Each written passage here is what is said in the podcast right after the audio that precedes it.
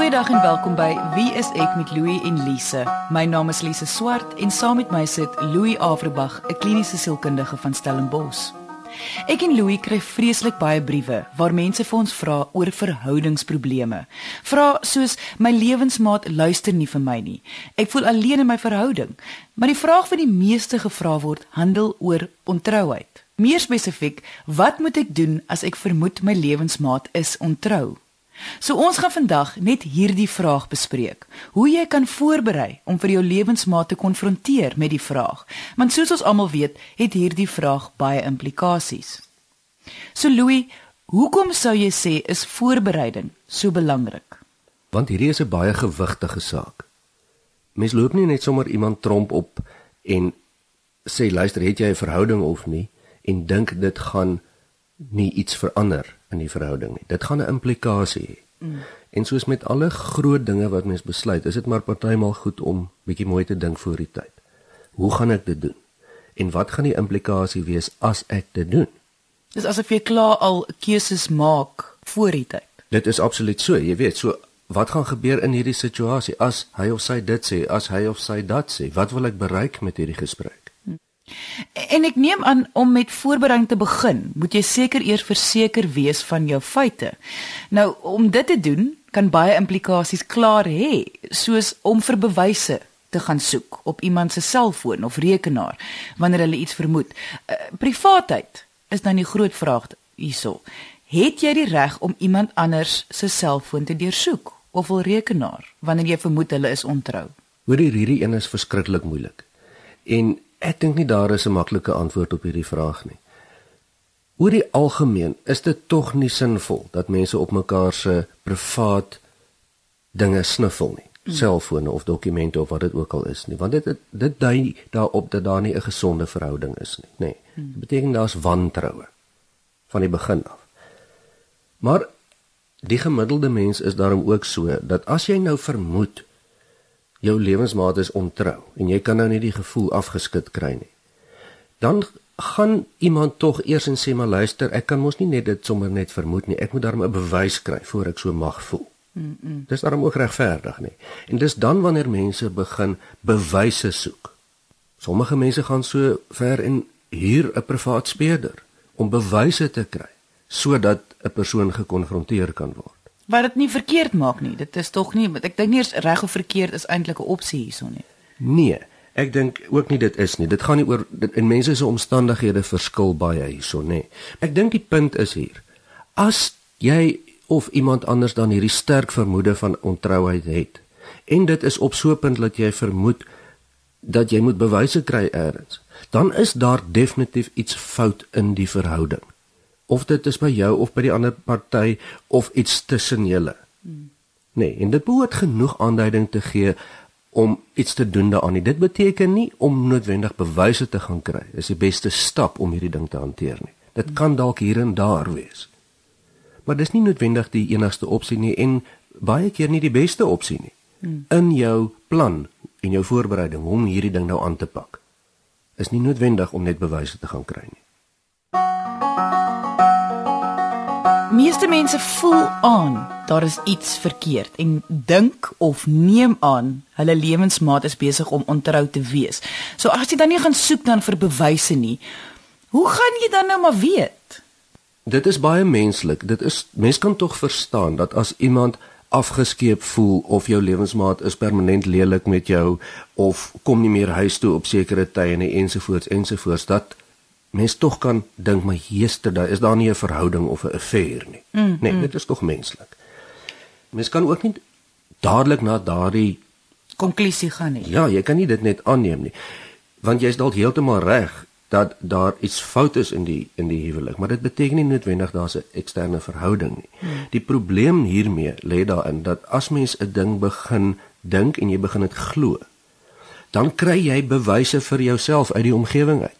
Dis hoe ons mense is. Of die bewyse nou waar is of nie. Ja, daai keer wat hy dan nou nie antwoord as jy bel nie sê ja, sien hy is seker maar weer by haar. Hmm. En ons is maar so as mense, ons ignoreer teenbewyse uit ons omgewing uit en ons vat dit wat ons oortuigings versterk. So die enigste opsie sal wees is eintlik maar 'n konfrontasie, 'n gesprek. Jy sien, jy sal nooit regtig weet is jou lewensmaat nou ontrou of nie. Hoe kan jy regtig weet tensy jy dit nou jy dit nou 'n voltydse taak maak om iemand dop te hou. Maar as dit is hoe dit gaan in die verhouding, wat soek jy dan in die verhouding in die eerste plek? Nee. So verhoudings gaan tog daaroor dat mens dat mens nie alles hoef te weet nie, jy aanvaar dit as 'n kontrak tussen mekaar. En vertroue, jy vertrou iemand. Dis die ideaal. Soos mense nou maar is, is vra die laaste stap wat hulle wil neem. As gevolg van hulle aanname of gevoel, sal hulle eers alles deurleef. Met ander woorde, hulle sal voel en reageer soos iemand wat klaar, ag kom ons noem dit nou maar ingedoen is. En vir weke en selfs maande met hierdie gedagte of gevoel saamloop voor iets gevra of gesê word. Sou jy sê dit is nog 'n rede hoekom mens sou so gou moontlik moet begin voorberei om die persoon te konfronteer? Ja, natuurlik, anders word jy deel van die probleem. Want wat nou gebeur, hier begin dan 'n bose sirkel te vorm, nê. Nee. Hoe meer jy vermoed jou lewensmaat is ontrou, hoe meer aggressief is jy miskien teenoor jou lewensmaat. En hoe meer druk jy vir hom of haar na buite of weg van jou af. Totdat daar later nie meer 'n hoender of 'n eier kan geonderskei word in hierdie bose sirkel nie. Hmm. En dan sneeubal dit. Ons praat daai van sneeubal, 'n sirkel sneeubal, nê. Nee. Hmm, hmm. Dan word die gevoelens meer intens, die gedrag word meer intens, die konflik, die argumente is meer intens en dit word erger. En die intensie tog van jou is om hierdie ding op te los sodat die verhouding kan gelukkig wees of sodat jy daarom ten minste kan gelukkig wees. Ek wil net weet hoe baie agting word gegee aan 'n persoon se vermoede. Wanneer jy nou iemand in jou praktyk sien en hulle sê vir jou hulle vermoed hulle lewensmaat is dalk ontrou. Hoe weet 'n mens of dit waar is of nie uh, as daar nou geen bewyse is nie? Jy sien, meeste mense neem sommer outomaties aan dat as mens begin by so 'n situasie, begin jy by die feite. Is dit waar of is dit nie? Dit is baie selde eintlik die beginpunt. Want wat waar is vir een persoon, is nie noodwendig waar vir 'n ander persoon nie. 'n Mens se ervaring is 'n mens se realiteit. So as jy voel dat jou lewensmaat ontrou is aan jou, en jy wil daaroor gesels. Lê die antwoord nie in is jou lewensmaat ontrou ja of nee nie, want alselfs is dit ja. Wat maak jy dan? Dan is jy nog steeds deel van die probleem want jy is tog deel van die verhouding. Dit gaan daaroor hoe gaan jy wat gaan jy doen nie meer dat jy voel jou lewensmaat is ontrou. Jy luister na Wie is ek met Louie en Lise op RSG 100 tot 104 FM. So hoe kan jy voorberei vir die konfrontasie of die gesprek wat jy met jou lewensmaat wil hê? Ek dink hier gaan dit baie oor die wat, die wanneer en die hoe en die waar, nê, nee, die praktiese ding. Wanneer gaan jy met hom of haar praat? Hoe gaan jy praat? Wat gaan jy sê? Wat verwag jy gaan sy of haar reaksie wees? Jy ken tog die persoon. Wat gaan gebeur as hy kwaad word of wat gaan gebeur as hy dit ignoreer? So amper om die moontlike situasies vooruit te bedink. Mm. Ook om voor te berei dat jy dalk kan emosioneel raak. Jy kan kwaad raak. Jy kan dalk hartseer raak en jy kan jy weet, so mens doen soveel voorbereiding as wat jy kan want onthou wat jy wil doen hier is om 'n probleem op te los. Ek sien ook baie keer voorbereiding as jy het dan die voorsprong op die situasie waar ongelukkig nou vir die ander persoon het hulle nie daai voorsprong om voor te berei op hoe jy gaan reageer, wat gesê kan word nie, waar jy vir die gesprek gaan begin. Het hierdie goue geleentheid om te gaan sit en mooi te dink oor alles, al die moontlike opsies wat kan gebeur, hoe dit jou gaan affekteer en hoe jy kan jou emosies in toom hou om die gesprek deur te voer. Ja. En baie keer voel mense dan dat die doel van so 'n gesprek is om 'n ja of 'n nee uit 'n persoon te kry. En ja, ek verstaan. Maar die eintlike doel van hierdie gesprek is vir jou om tot 'n besluit te kom van wat wil jy doen? Hoe wil jy hanteer? Hoe wil jy hierdie probleem aanspreek? Hmm. Terwyl baie mense dit wil gebruik vir emosionele ontlading. So met ander woorde, hulle hulle sal dit misbruik eintlik die gesprek om vinger te wys om te sê dit is jou skuld. Dit is hoekom ek nie gelukkig is nie of of ons nie gelukkig ja. is nie. En selfs al is dit dalk waar of vir jou waar, gaan dit noodwendig werk in so 'n gesprek. Jy weet om iemand in 'n hoek te druk werk baie selde want mense kom gewoonlik aggressief daaruit om hulle self te verdedig. Uh so die in die hoek druk die konfrontasie metode werk regtig nie so baie goed nie. So eintlik die voorbereiding is om seker te maak dat jy op die punt bly en realisties bly en so half probeer om nie op 'n emotiewe manier iemand aan te val nie. Ja, en dit is natuurlik maklik om te sê. Hmm. Maar Maar dis hoekom jy voorberei. dis hoekom jy voorberei en- en jou voorbereiding is om te besluit wat presies wil jy uit hierdie gesprek uit hê. Kom ons gesels net oor algemene redes hoekom mense ontrou is in 'n verhouding.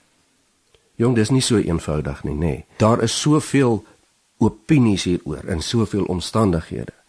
As dit uit woede uitgesê word, sal sal baie mense sê hy is 'n rondloper of sy is 'n rondloper amper so asof dit deel is van hulle aard. Dit kan mense wees wat ongelukkig in hulle verhoudings is, ongelukkig in hulle self is, maar daar is geen rede of 'n lysie van redes hoekom mense ontrou is nie. Ek sou sê eh, as ek nou moes raai en uit uit my onkunde uit, maar dat dit is wel 'n teken dat iemand is nie gelukkig in 'n verhouding nie. Ja, ek sou baie so, dis 'n baie sterk simptoom. Of ten minste 'n aanduiding dat die persoon regtig nie gelukkig is in 'n verhouding nie, nê. Nee. Nou moet mens ook verstaan dat baie keer word ontrouheid gesien as 'n eenvoudige slagoffer en 'n oortreder geval. Die persoon het rondgeloop of was ontrou en die ander persoon is die arme slagoffer. Dit werk in die realiteit nie regtig so nie, want die lewe is nie so eenvoudig nie. Um baie min mense En en ek glo daar is seker, maar daar's baie min mense wat patologies in die oggende opstaan en besluit hulle gaan nou vandag soveel rondloop en soveel op hulle lewensmaat skil as wat hulle kan, dag in en dag uit. Gewoonlik is dit mense wat in situasies kom voor hulle kan sien leide daarna toe. Meeste mense voel skuldig as hulle op hulle lewensmaats ontrou is. En dis nie so eenvoudig van dis dis 'n bose ding. Hmm. daarmee verskoon mense nie noodwendig die gedrag nie. Maar ek dink wat ons bepleit hier is dat Daar is redes. daar is redes hoekom mense enige iets doen. En daar's ook redes hoekom mense ontrou is. Ons gesels vandag oor ontrouheid in 'n verhouding, maar ons fokus spesifiek op wanneer jy nog net vermoed jou lewensmaat is dalk ontrou. Wat dan? Hoe konfronteer jy iemand met so 'n gewigtige vraag en hoe kan jy voorberei op die reaksie en moontlike antwoorde wat vir jou gegee gaan word? Nou kom ons som net gou-gou weer op hoekom mens moet voorberei vir die gesprek en wat in ag geneem moet word vir die voorbereiding. Goed, ons het gekyk dat daar duisende, honderde duisende redes is waarom mense ontrou is, nê. En dat mense regtig nou nie eintlik aannames kan maak daaroor nie. En dat as mens hierdie vermoede het en is iets wat jou pla en jy wil dit nou aanspreek met hierdie lewensmaat van jou, dat dit raadsaam is om voor te berei, maar deeglik voor te berei. Hierdie is 'n gewigtige saak, want dit gaan implikasies hê.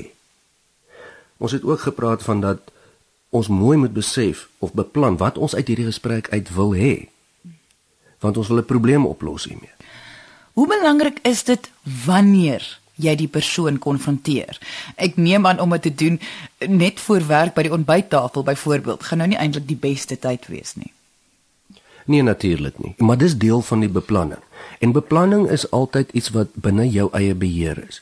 Wat gaan jy sê? Waar gaan jy dit sê? Wanneer gaan jy dit sê? Hoe gaan jy dit sê? Hoe laat gaan jy dit sê?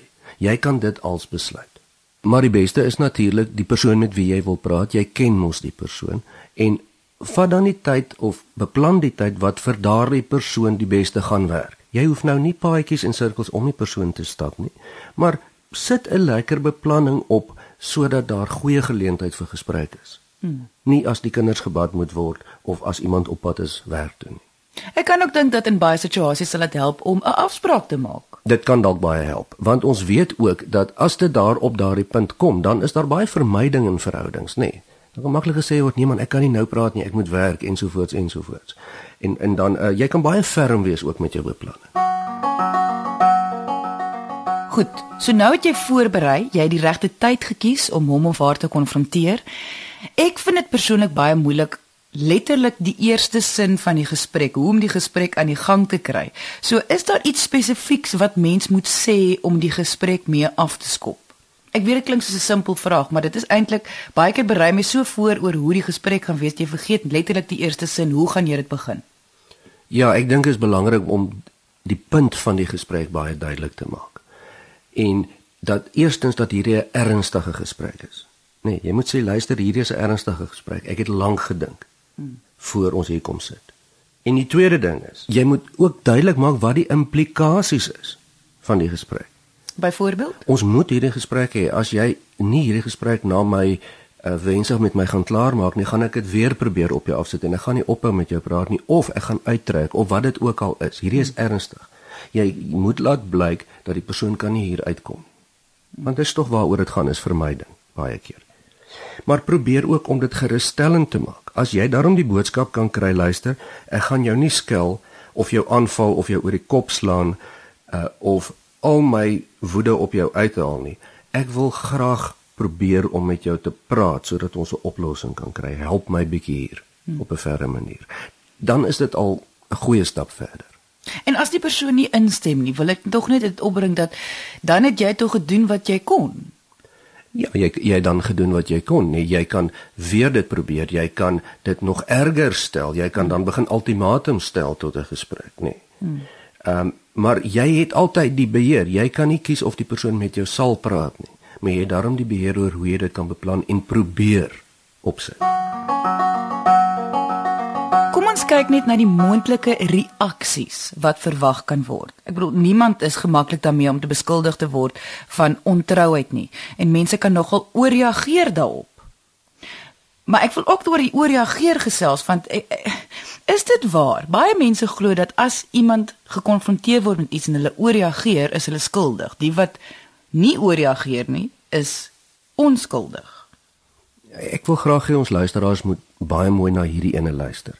Niemand kan gedagtes lees nie, of ten minste niemand wat ons ken nie of van weet nie. Hoe mense reageer op wat ander mense vir hulle sê, het te doen met hulle temperament, hulle persoonlikheid. Dit het niks te doen met of jy skuldig is of onskuldig is nie. As jy aan jou neus vryf, beteken dit nie jy lieg nie. Mm. Vir algemeenings werk nie. Dit is eenvoudig so.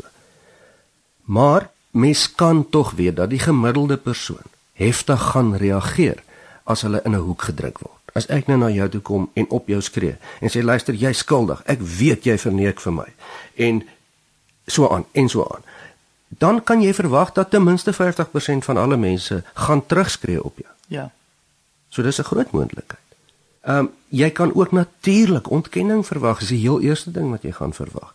Meeste mense as hulle mos nou gekonfronteer word met met ontrouheid, gaan dit mos nou dadelik ontken. Ehm um, nee man, jy praat nonsens en dis maar hulle eie angs ook, nê. Nee. So jy kan dit ook verwag. Maar ek neem aan om aanhou te met praat, veral in so 'n situasie as dit kom by ontkenning, om aanhou die gesprek te voer, kan miskien die persoon ook gemakliker laat voel en agterkom dat dit is dis oukei okay om die waarheid te praat. Ja, jy gaan dalk nou sê, goed, jy ontken dit nou en ek het verwag dat jy dit ontken. Miskien is jy skuldig, miskien nie, maar kom ek verduidelik vir jou hoekom ek so voel dat dat jy aan my ontrou is. En jy dan gee jy jou redes. En jy hoef nie op te gee op wat jy voel en wat jy ervaar nie. Want of hy of sy dan nou skuldig is aan ontrouheid of nie, daar sal 'n ander probleem wees in die verhouding. Al is dit dan dat jy voel dat jy nie genoeg aandag kry nie, dit is 'n probleem. Maar dit is natuurlik wat jy optel. Jy het agtergekom iets is verkeerd. Jy neem aan dit is dalk ontrouheid.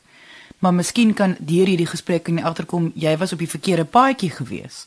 Dit kan iets anders wees. Dit help ook baie. En dit is nou maar 'n geuite uitdrukking, maar dit help regtig baie om op mense se gedrag te fokus eerder as op hulle persoonlikhede. Jy weet daar's 'n verskil tussen jy gee nooit aandag aan my nie en jy is 'n selfsugtige persoon, jy dink net aan jouself. Die een is 'n diep beskuldiging, die een is 'n uitdrukking van wat die persoon doen wat jou so ongelukkig maak en dit help mense. So doen is beter as persoonlikheid. Ja, baie beter. So kom ons gesels oor wat is die implikasies as iemand vir jou ja antwoord? Ja, ek is ontrou of ek was ontrou. Wat staan jou dan te doen? Hier is jou voorbereiding ook baie belangrik. Jy moet sommer voor die tyd besluit het. Wat gaan gebeur as die persoon sê ja, goed? Dit is so. Ek het 'n verhouding of wat dit ook al is. En jy weet, ons is nie robotte nie. Dit is mos nou 'n emosionele ding wat dan oor jou spoel. Beplan dan vir jouself voor dit as jy dan emosioneel so raak dat jy eers die gesprek stop as jy hmm. dink jy gaan dit nie hanteer of kan hanteer op daardie oomblik nie. Hmm. Van daar af begin die gesprek dan verder. En dan is die volgende besluit wat gaan jy doen? En dan kan jy 'n gesprek voer. Jy weet, sekerlik gaan jy kwaad wees en 'n paar woorde sê of jy dalk 'n week nodig. Of as jy besluit, goed, volgens jou kan jy nie daarmee saamleef nie. Hier stap jy nou uit en jy gaan reguit na die egskeidingshof toe, dan is dit ook jou reg. Hmm. Maar jy gaan besluit wat jy doen daarna. Daar's baie opsies wat om te doen daarna. En dit bly 'n persoonlike keuse. En dit bly 'n persoonlike keuse. Ek neem aan dieselfde sal geld vir as die antwoord nee is. Ons het nou gepraat oor dat die mense se eerste reaksie sal wees ontkenning. Maar in baie gevalle is mense se antwoord nee. Dan het jy eintlik twee opsies. As jy dat dan dan dan besluit jy om die persoon se antwoord te aanvaar.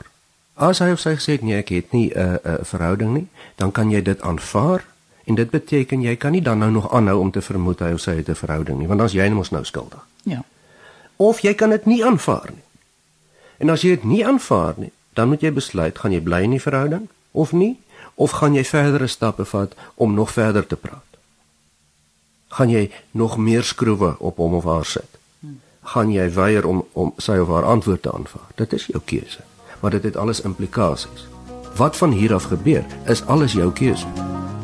Jy luister na Wie is ek met Louie en Lise op RSG 100 tot 104 FM. Die belangrikste vraag is sekerlik kan 'n verhouding ontrouheid oorleef. Ja, natuurlik kan 'n verhouding ontrouheid oorleef. Dit en baie verhoudings oorleef ontrouheid selfs sodat die verhouding sterker is na die tyd, nê. Nee, dit alles hang af van wat maak jy met die ontrouheid in die verhouding. Verhoudings wat ontrouheid oorleef, gaan gewoonlik op 'n die diep verstaan van die ontrouheid in, ehm um, maak kontrakte met mekaar en sluit kontrakte vir die toekoms. Maar dit is natuurlik dan as albei partye wil die verhouding laat oorleef, nê. Nee. Baie mense sê waardes is van so aard en hulle sê goed, as daar ontrouheid is, weier ek om enigsins verder te gaan en dit is dan ook hulle reg. En watter waarde kan terapie hê in so 'n situasie, selfs al was die antwoord nou ja of nee? Geweldig baie. Of jy dan nou aangaan met die met die verhouding of nie. Terapie, psigoterapie help gewoonlik baie om sin te maak uit hierdie prosesse uit, selfs al is die verhouding verby. Te kyk na jouself, jou eie oorlewing hiermee, die betekenis wat jy daaruit kry, die houe wat jy gevat het, hmm. emosioneel, nê. Nee.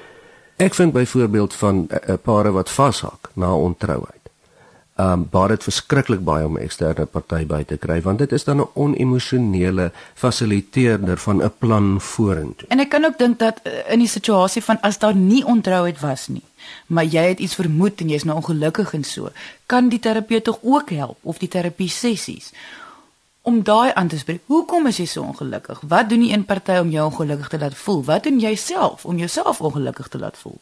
Ja, en kom ons kyk, as jy die as jy nou hom of haar konfronteer, wat gaan die implikasies wees hiervan? Wat gaan jy daaruit kry? Dis so half om saam te sit en 'n plan te maak en van buite af na jouself te kyk. Ek kan ook dink ons praat nou hier oor hoe vra jy die vraag. As jy te bang is om die vraag te vra, kan so 'n uh, eh, terapie sessie ook vir jou help om saam met iemand die vraag te vra of laat die ander persoon die vraag vra. Absoluut. Mens vergeet hierdie ding nie. Ons almal is nie aan mekaar gesit vir konfrontasie noodwendig nie. Ek het al verskeie keer saam met mense uh uh saamgespan amper en toestemming kry sê kom ons bel jou man of jou vrou. En dan sê ons vir hulle. Maar jy voel nie lekker nie. Jy vermoed daar's 'n affair. Ek sal met hulle praat, jy weet. En dit werk baie keer. As een party 'n ander party wantrou, voel die ander party dit in elk geval aan. Nee. As die persoon skuldig is, is daar gewoonlik 'n sin van verligting as dit uitkom éventueel, want dit is 'n skuldlas om te dra as die persoon onskuldig is, is kan dit ook 'n verligting wees. As dit op 'n redelike ordentlike manier aangespreek word wat dan nou eintlik die probleem is. Selfs al kom dit op die punt wat die laaste opsie is ons gaan dan nou maar uitmekaar uit. Hmm. ten minste was daar dan 'n plan en 'n en 'n verligting van albei Ons het aan die einde van vandag se episode gekom. Indien jy enige vrae oor ontrouheid in 'n verhouding het, kan jy ons kontak deur ons webwerf. Dit is wieisek.co.za of deur ons Facebookblad onder wieisek met Louie en Lise. Baie dankie dat jy vandag ingeskakel het. Ons maak weer so volgende Vrydag net na 12:00 op RSG. Jy moet 'n heerlike naweek hê en onthou, kyk mooi na jouself.